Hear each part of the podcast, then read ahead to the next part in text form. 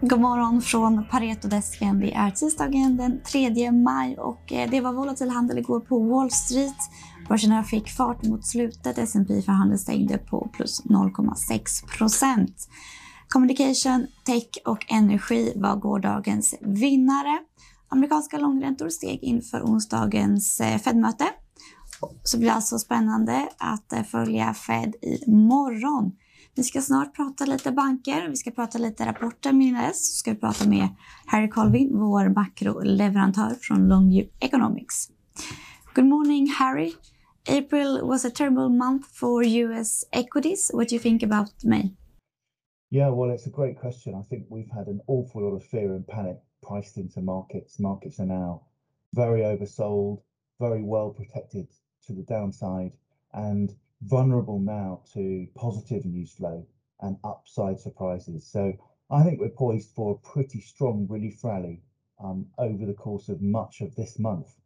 Now, whether that's sustained and we we go back into, you know, we resume the uptrend in equities or whether it's merely a one to two, three week uh, relief rally, that's that's that's a big question. I mean, I suspect it's it's probably a resumption of the uptrend. We do not believe that we're in a we're in a bear market. So, you know, I think there's a lot of fear around, and and and we're we're we're poised to rally now. Thank you, Harry. Ja, lite rapporter idag. Men eh, man märker att eh, rapportsäsongen börjar ebba ut. Bankerna har ju rapporterat alla fyra mm. storbanker nu. Bra, bra. Q1, eller hur? Ja, det tycker jag verkligen. Eh, överlag stabila rapporter. Eh, Nordea och SEB var väl de som var bäst egentligen. Och Swedbank kanske lite åt det svagare hållet, men överlag eh, ja, i linje eller betydligt bättre än konsensus. Mm, och eh, vi såg ju räntehöjningar nu här förra veckan. Yes, stämmer bra. Alltså Riksbanken kom ut med sin, eh, ett uppdaterat räntebesked egentligen och höjde styrräntan från 0 till 0,25. Eh, och det här är något som vi ser som väldigt positivt för storbankerna. Man har ju missgynnats ganska kraftigt här av den långa perioden av låga eller till och med negativa räntor. Då. Eh, så vi har ju räknat lite på detta såklart eh, och tycker att eh, Swedbank är den banken som kommer att bäst ja, gynnas mest helt enkelt av att räntorna stiger. Då.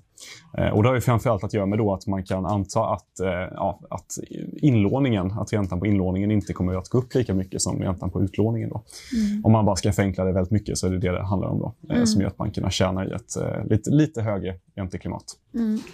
Handelsbanken är ju också en favorit vi brukar ha. Är det fortsatt en favorit? Ja, nej, men det är fortsatt. Vi fortsätter att gilla både Swedbank och Handelsbanken. Så det är liksom bolånebanken vi tycker att man ska äga nu under 2022. Mm. Eh, medan under 2021 då var framförallt SEB och Nordea som gick väldigt starkt. Så vi tycker att det är lite läge att vikta om då eh, nu när vi ser de här räntehöjningarna och kanske lite svagare makro. Då tycker vi att både Handelsbanken och Swedbank borde kunna stå emot eh, bättre än SEB och Nordea. Mm.